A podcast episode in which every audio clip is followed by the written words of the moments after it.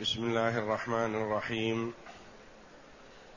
الحمد لله رب العالمين.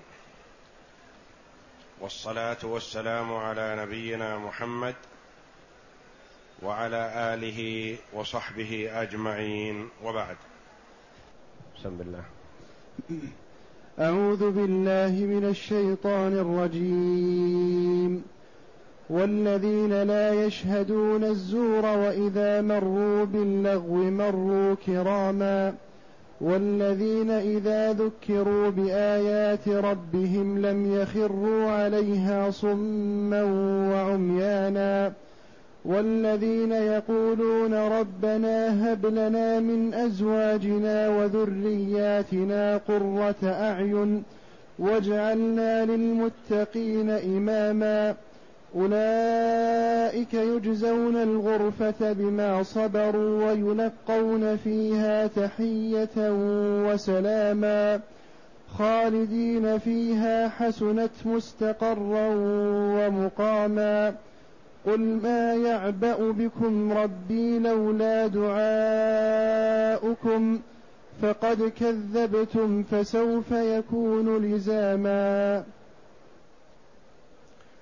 قوله جل وعلا والذين لا يشهدون الزور معطوف على الآيات السابقة في صفة عباد الرحمن وهذه هي الصفة السادسة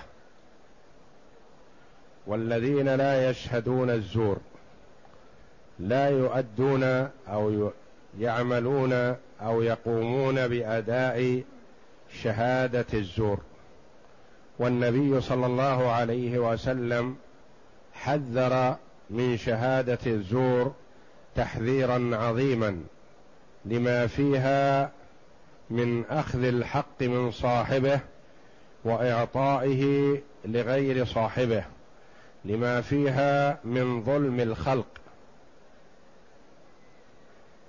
فقد ثبت في الصحيحين أن النبي صلى الله عليه وسلم قال ألا أنبئكم بأكبر الكبائر؟ قلنا بلى يا رسول الله. قال الشرك بالله وعقوق الوالدين وكان متكئا فجلس. فقال ألا وقول الزور ألا وشهادة الزور فما زال يكررها حتى قلنا ليته سكت شفقة من الصحابة رضي الله عنهم على النبي صلى الله عليه وسلم حيث أتعب نفسه في تكرير التحذير من شهادة الزور صلوات الله وسلامه عليه. وقوله والذين لا يشهدون الزور أي لا يقيمون ويؤدون شهادة الزور هذا قول من من أقوال أئمة التفسير رحمهم الله. القول الآخر أن المراد بالزور كل ما لا يجوز. قال بعضهم الزور الشرك بالله ولا أظلم من الشرك بالله. وقال بعضهم الكذب وقال بعضهم اللهو والغنى. وقال بعضهم حضور المجالس التي يشرب فيها الخمر.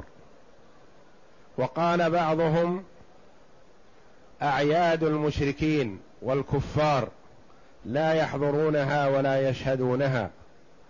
والأولى كما قال بعض المفسرين ألا يقتصر على فرد من هذه الأفراد بل يعم الجميع يعم كل مشهد لا يرضاه الله جل وعلا. فهؤلاء الأخيار يجتنبون هذه المشاهد والمجالس والأقوال والأعمال السيئة التي لا يحبها الله جل وعلا. وإذا مروا باللغو مروا كراما. قد يمر الإنسان مرورا بدون قصد لهذا المجلس أو هذا الاجتماع أو هذا المكان الذي فيه منكر فإنه يمر كريما. لا يدنس نفسه بذلك بل معرضا عما يقال في هذا المجلس من القول السيء. فهم لم يقصدوا حضور هذا المجلس وإنما مروا على سبيل الاتفاق. اتفق أن مروا بمجلس فيه سوء فإنهم حينئذ يمرون مكرمين أنفسهم عن الخوض فيما لا يحل لهم. معرضين عن كل ما يقال في هذا المجلس من القول السيء والفاحش والبذي كما قال الله جل وعلا وإذا سمعوا اللغو أعرضوا عنه. يعني أبعدوا وأعرضوا وانصرفوا عن اللغو. فاللغو كل ساقط من قول أو فعل. كل شيء لا يرضاه الله جل وعلا من قول يقال باللسان أو فعل يفعل بالجوارح. والذين إذا ذكروا بآيات ربهم هذه الصفة السابعة من صفات عباد الرحمن. والذين إذا ذكروا بآيات ربهم أي القرآن والسنة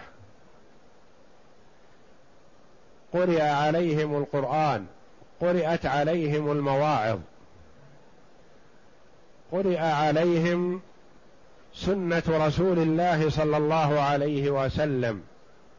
وعظوا بذلك اتعظوا واستفادوا ولم يخروا عليها صما لا يسمعون كأنهم لا يسمعون وعميا كأنهم لا يبصرون بل يخرون سجدا وبكيا كما وصفهم الله جل وعلا في آيات أخر.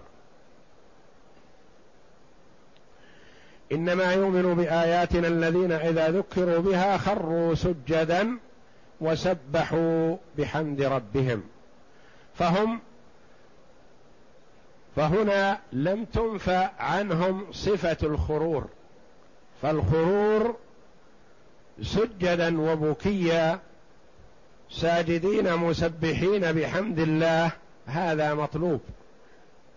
ومطلوب أن المرء يغير شيئا من حاله استجابة لموعظة للموعظة التي سمعها, سمعها.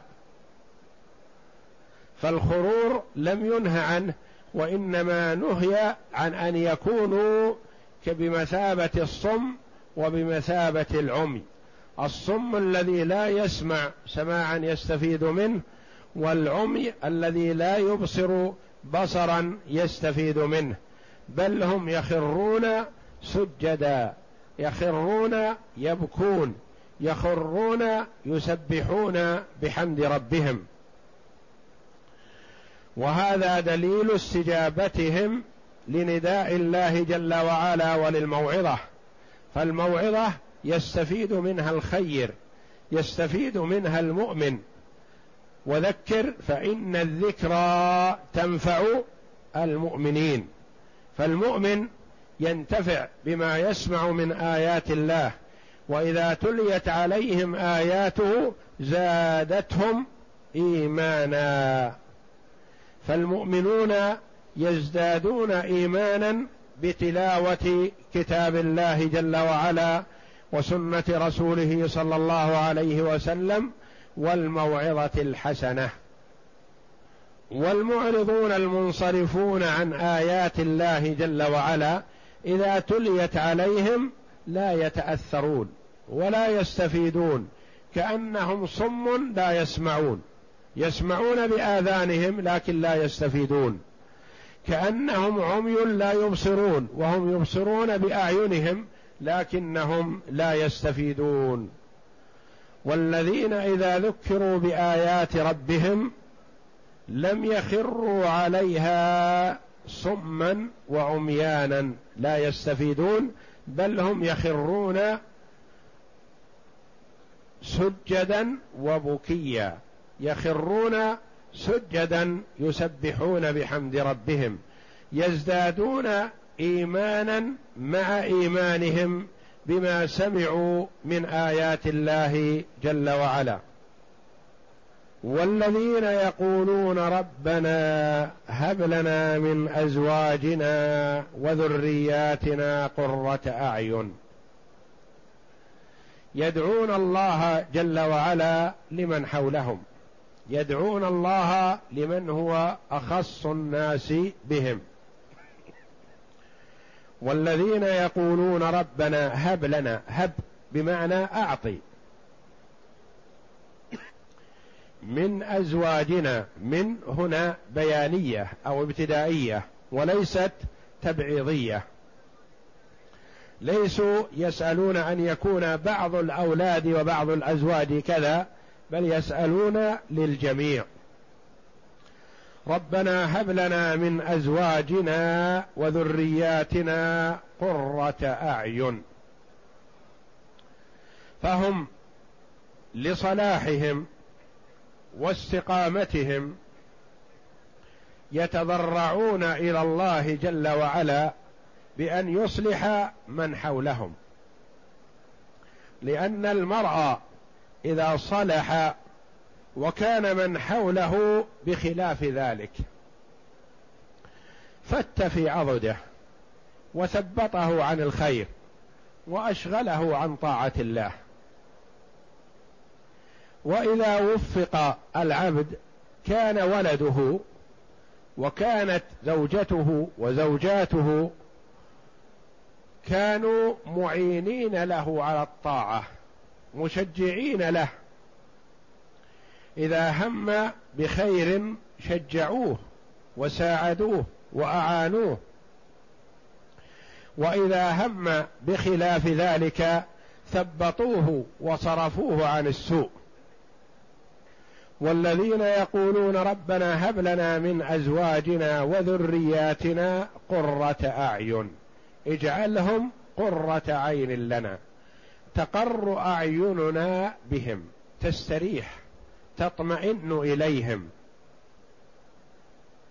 يسعدون بهم في الدنيا ويأنسون بهم في الآخرة بأنهم يكونون معهم. فمن تمام قرة العين إذا دخل المرء الجنة أن يدخل معه أولاده وزوجته وأهله لتقر عينه بهم.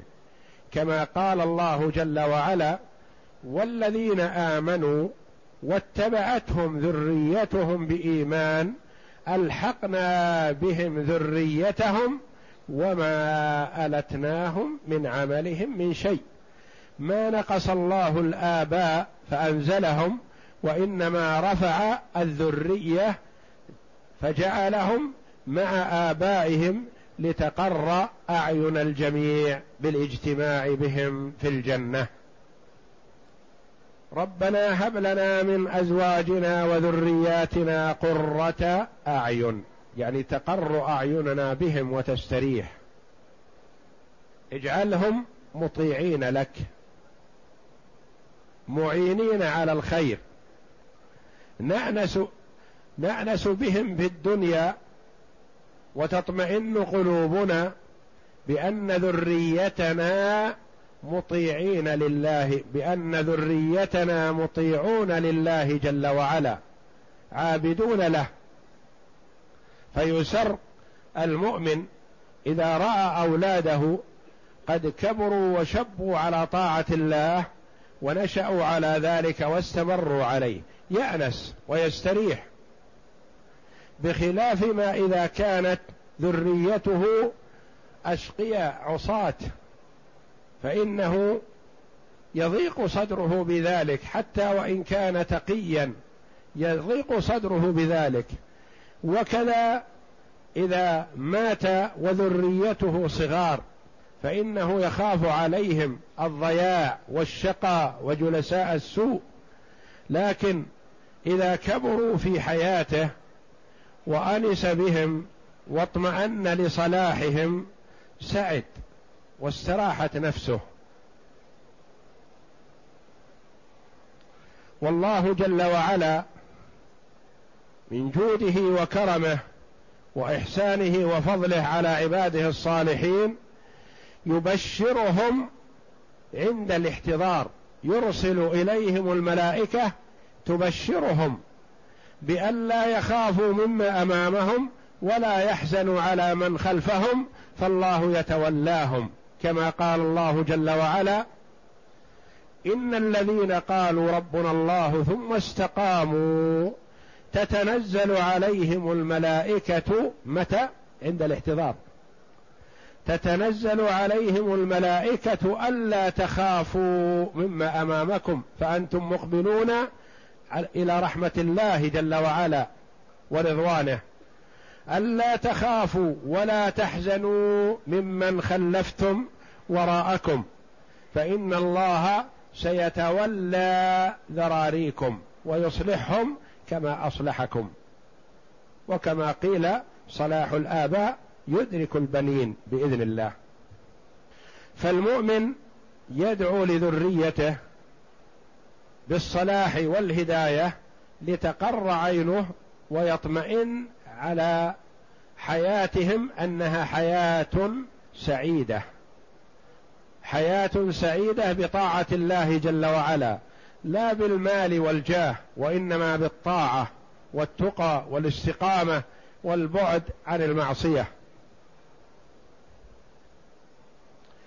والذين يقولون ربنا هب لنا من أزواجنا وكلمة الأزواج تطلق على الرجال والنساء.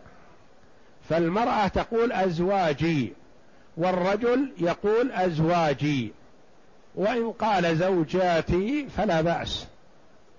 فيقال عائشة زوج النبي صلى الله عليه وسلم. ويقال علي زوج فاطمة رضي الله عنهم أجمعين. فكلمة أزواج تطلق على الذكور والإناث. وكذلك كلمة الذرية تطلق على الفرد وعلى الجماعة على مجموع الذراري. وقد قرئ ربنا هب لنا من أزواجنا وذريتنا وذرياتنا قراءتان سبعيتان. وكما قال الله جل وعلا ذرية ضعافا جمع. وقال ذرية طيبة مفرد. فكلمة ذرية يطلق على الفرد والجماعة. والمراد بهم أولاد الرجل من صلبه ومن بناته كذلك. فالذرية تشمل جميع النسل. بخلاف الأبناء فهذه في الذكور خاصة. والأولاد للذكور والإناث من صلبه. والذرية يشمل الأولاد من البطون والظهور. قرة أعين واجعلنا للمتقين إماما. قال بعض السلف يحسن طلب الرئاسة في الأعمال الصالحة. يعني طلب الرئاسة في أمور الدنيا لا يحسن ذلك. لكن أن يطلب المرء الرئاسة فيما يقرب إلى الله جل وعلا هذا حسن. أخذا من قوله جل وعلا واجعلنا للمتقين إماما. اجعلنا قدوة في الخير. اجعلنا متبوعين. يتبعنا الأخيار فيما نسير عليه ونعمل به. يصلح أن يكون إماما وأئمة. إماما بالنسبة للجنس. جعلنا للمتقين إماما ولم يقل جل وعلا أئمة كما قال جل وعلا ثم يخرجكم طفلا أراد الجنس ولم يقل أطفالا. فكل واحد منهم يدعو الله جل وعلا أن يكون قدوة وإماما في الخير. يقتدى به ويتبع لأن من اقتدي به في الخير فله مثل أجر من تبعه من غير أن ينقص من أجورهم شيء. ومن كان والعياذ بالله قدوة في الشر كان عليه مثل إثم من تبعه من غير أن ينقص من آثامهم شيئا. وأئمة تطلق على الأخيار وعلى الأشرار على من يقتدى به في الخير يقال له إمام في الخير وعلى من يقتدى به في الشر يقال إمام في الشر في كذا. كما قال الله جل وعلا وجعلناهم أئمة يهدون بأمرنا. هذا في الخير. وقال جل وعلا وجعلناهم أئمة يدعون إلى النار في آل فرعون والعياذ بالله. أئمة يدعون لماذا؟ إلى النار. وإبليس إمام يدعو إلى النار. فهؤلاء الأخيار صلحوا في أنفسهم ودعوا لمن حولهم ورجوا أن يكونوا قدوة في الأعمال الصالحة ليستمر نفعهم ينتفع بهم من يقتدي بهم وينتفعون هم بأعمال من يقتدي بهم بحيث يكون لهم مثل أجور من تبعهم.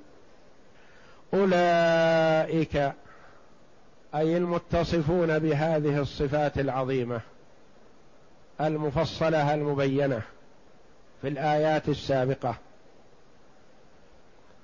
أولئك يجزون الغرفة بما صبروا. أولئك تقدم قوله جل وعلا وعباد الرحمن الذين يمشون على الأرض هونا إلى آخر الآيات الصفات الثمان المتتالية المعطوف بعضها على بعض. قال أولئك أي الموصوفون بهذه الصفات فأولئك يصح أن تكون الجملة استئنافية مبتدأ أولئك وكلمة يجزون الغرفة خبره ويكون قوله جل وعلا وعباد الرحمن مبتدأ وخبره الذين يمشون على الأرض هونا وما عطف عليه. ويجوز أن يكون قوله وعباد الرحمن مبتدأ. ووصف بالموصول وما بعده وصلته وخبره أولئك يجزون الغرفة. يصح هذا ويصح هذا. وأشار إليهم جل وعلا بإشارة البعيد. دلالة على علو منزلتهم عند الله جل وعلا. أولئك يجزون الغرفة. والغرفة الدرجة الرفيعة في الجنة. أو هي أعلى منازل الجنة وهي أفضلها. قال بعض المفسرين كما أن الغرفة في الدنيا أعلى مساكن بيوت الدنيا.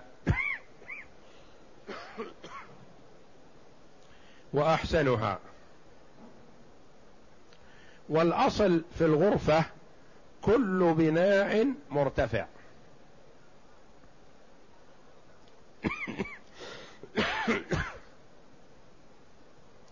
أولئك يجزون الغرفة أفرد على نية الجنس. ويجوز أن يجمع كما قال جل وعلا وهم في الغرفات آمنون.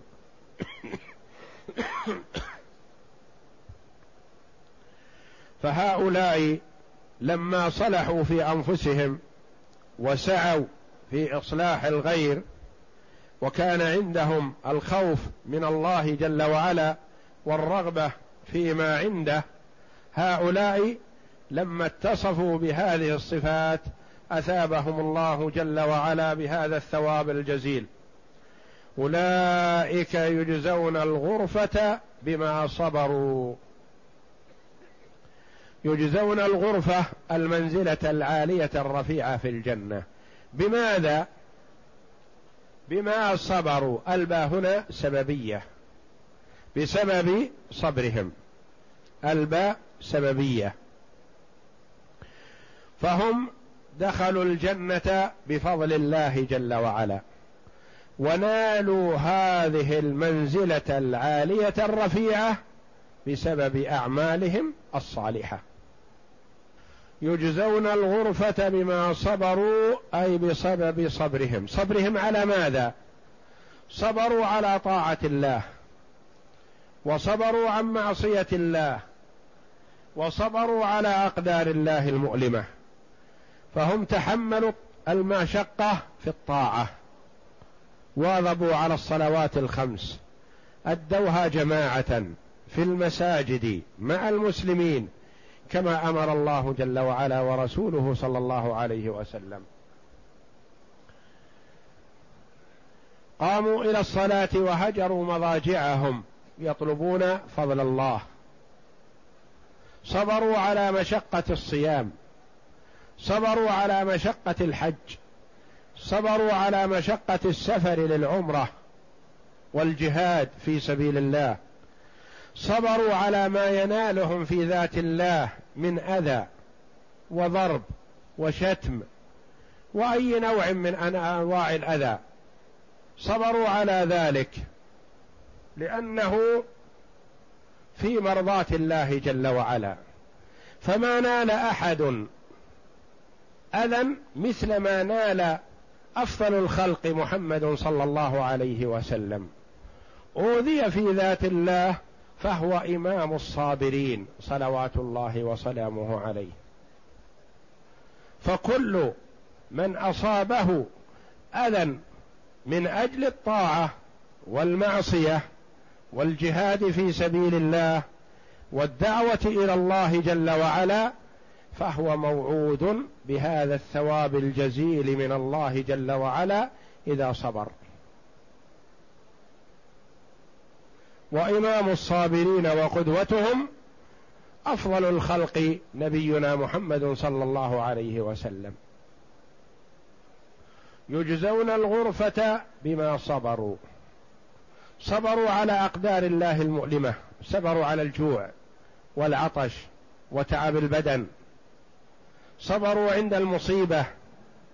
ما اظهروا الجزع ولا شقوا الجيوب ولا لطموا الخدود وإنما قالوا إنا لله وإنا إليه راجعون. اللهم أجرنا في مصيبتنا واخلف لنا خيرا منها. يصبرون على كل ما ينالهم من تعب. والمؤمن يؤجر بصبره حتى على الشوكة يشاكها. لا يظهرون الجزع والخور والضعف أمام أعداء الله بل يصبرون ويتحملون. وتقوى عزائمهم لأن أمامهم الجنة. فهم كما قال الله جل وعلا عن سلف هذه الأمة أنهم قالوا لأعدائهم هل تتربصون بنا إلا إحدى الحسنيين؟ فهم أمام الأعداء بين حسنيين. غانمون على كل حال. إما الشهادة والنعيم في جنة عرضها السماوات والأرض والحياة الدائمة الشهداء أحياء بخلاف أعداء الله جل وعلا فهم على شر وشقاء وبؤس في كلا الحالين. يجزون الغرفة بما صبروا ويلقون فيها ويلقون فيها قراءتان سبعيتان. ويلقون فيها تحية وسلاما. ليس فيها منة. فضل وإحسان من الله جل وعلا والسلام والتحية بين يديهم. يسلم الله جل وعلا عليهم ويحييهم. تحيتهم يوم يلقونه سلام. تسلم عليهم الملائكة. وتحييهم. يسلم بعضهم على بعض ويحيي بعضهم بعضا. يلقون التحية والسلام من الله جل وعلا ومن الملائكة ومن الصالحين. ويلقون فيها أي في الغرف في الجنة. تحية وسلاما. هذا النعيم الذي يبشرون به ويجدونه في أول وهلة لكن المرء إذا حصل على محبوبه ومطلوبه وما يأنس به إذا تذكر الزوال والإضمحلال وأنه هو إما أن يفنى أو يفنى صاحبه انمغص قلبه. لكن هؤلاء يبشرون بخلاف ذلك. خالدين فيها. مقيمين دائما وابدا. لا يفنون ولا يهرمون ولا يمرضون ولا يجوعون ولا يعطشون ولا يفقدون حبيبا. خالدين فيها. لا موت. ولا مرض ولا ضعف ولا انتقال. خالدين فيها حسنت حسنت الغرف مستقرا موضع جلوس واستقرار ومقاما يقيمون فيها. بخلاف الحال السابقة التي تقدمت في صفة جهنم أنها ساءت مستقرا ومقاما وهذه حسنت مستقرا ومقاما. فرق بين الدارين وبين المنزلتين. والله جل وعلا يعظ عباده ويذكر لهم المنازل والمآل مآل الأخيار ليزدادوا خيرا إلى خيرهم. ومآل الأشرار لعلهم أن يرتدعوا فيرجعوا إلى ربهم ويتوبوا إلى الله ويشتاقوا إلى منازل البررة الأخيار. حسنت مستقرا ومقاما. شتان بين المنزلتين منزلة أهل الجنة ومنزلة أهل النار. وبهذا انتهت الصفات الثمانية لعباد الله جل وعلا. فالمؤمن المسلم يعرض نفسه على هذه الصفات ويحاول أن يأخذ منها بالقسط الأوفى لينظر في عمله. أهو ينطبق على صفات هؤلاء فيسأل الله الثبات والزيادة من الخير. أم فيه نقص وكلنا كذلك فيحاول اللحوق بالأخيار ويجتهد ويجد وخاصة في هذه الأيام الفاضلة. ثم قال الله جل وعلا لعبده ورسول نبينا محمد صلى الله عليه وسلم هذه صفة الأخيار صفة عباد الرحمن الذي أنكره كفار قريش. فقل لهم قل يا محمد لكفار قريش أو للناس عامة قولان للمفسرين. قل لهم ما يعبأ بكم ربي لولا دعاؤكم؟ ما يعبأ بكم ربي ما يبالي بكم ربي. ما يكترث بكم ربي. ما يهتم بكم ربي لولا دعاؤكم.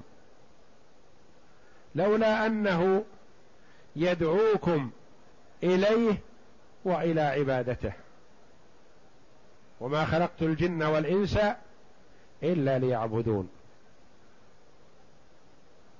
من إضافة المصدر إلى مفعوله. دعاء. ما يعبأ بكم ربي لولا دعاؤكم إياه؟ فدعاؤكم إياه وسؤالكم إياه يجعله يلطف بكم ويهتم بكم من إضافة المصدر إلى فاعله. قل ما يعبأ بكم ربي لولا دعاؤكم. لولا دعاؤكم ما اكترث بكم ولا اهتم بكم. ولكنه أراد جل وعلا أن يدعوكم لطاعته وعبادته لتفلحوا. أو لولا استغاثتكم به ودعاؤكم إياه وسؤالكم إياه ما اهتم بكم لأنه جل وعلا يحب من عباده أن يسألوه. وإذا سألك عبادي عني فإني قريب. أجيب دعوة الداع إذا دعان فليستجيبوا لي وليؤمنوا بي لعلهم يرشدون. ويقول الشاعر الله يغضب إن تركت سؤاله وبني آدم حين يسأل يغضب. فالله جل وعلا يحب من عباده أن يسألوه. لولا دعاؤكم. فقد كذبتم. هذا خاص بالكفار. الأول قيل في الكفار وقيل في الكفار والمؤمنين. وهنا فقد كذبتم أيها الكفار وأعرضتم عن طاعة الله جل وعلا.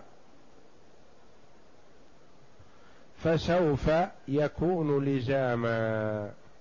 حينئذ ما دام حصل منكم التكذيب فسوف يكون لزاما عذابكم.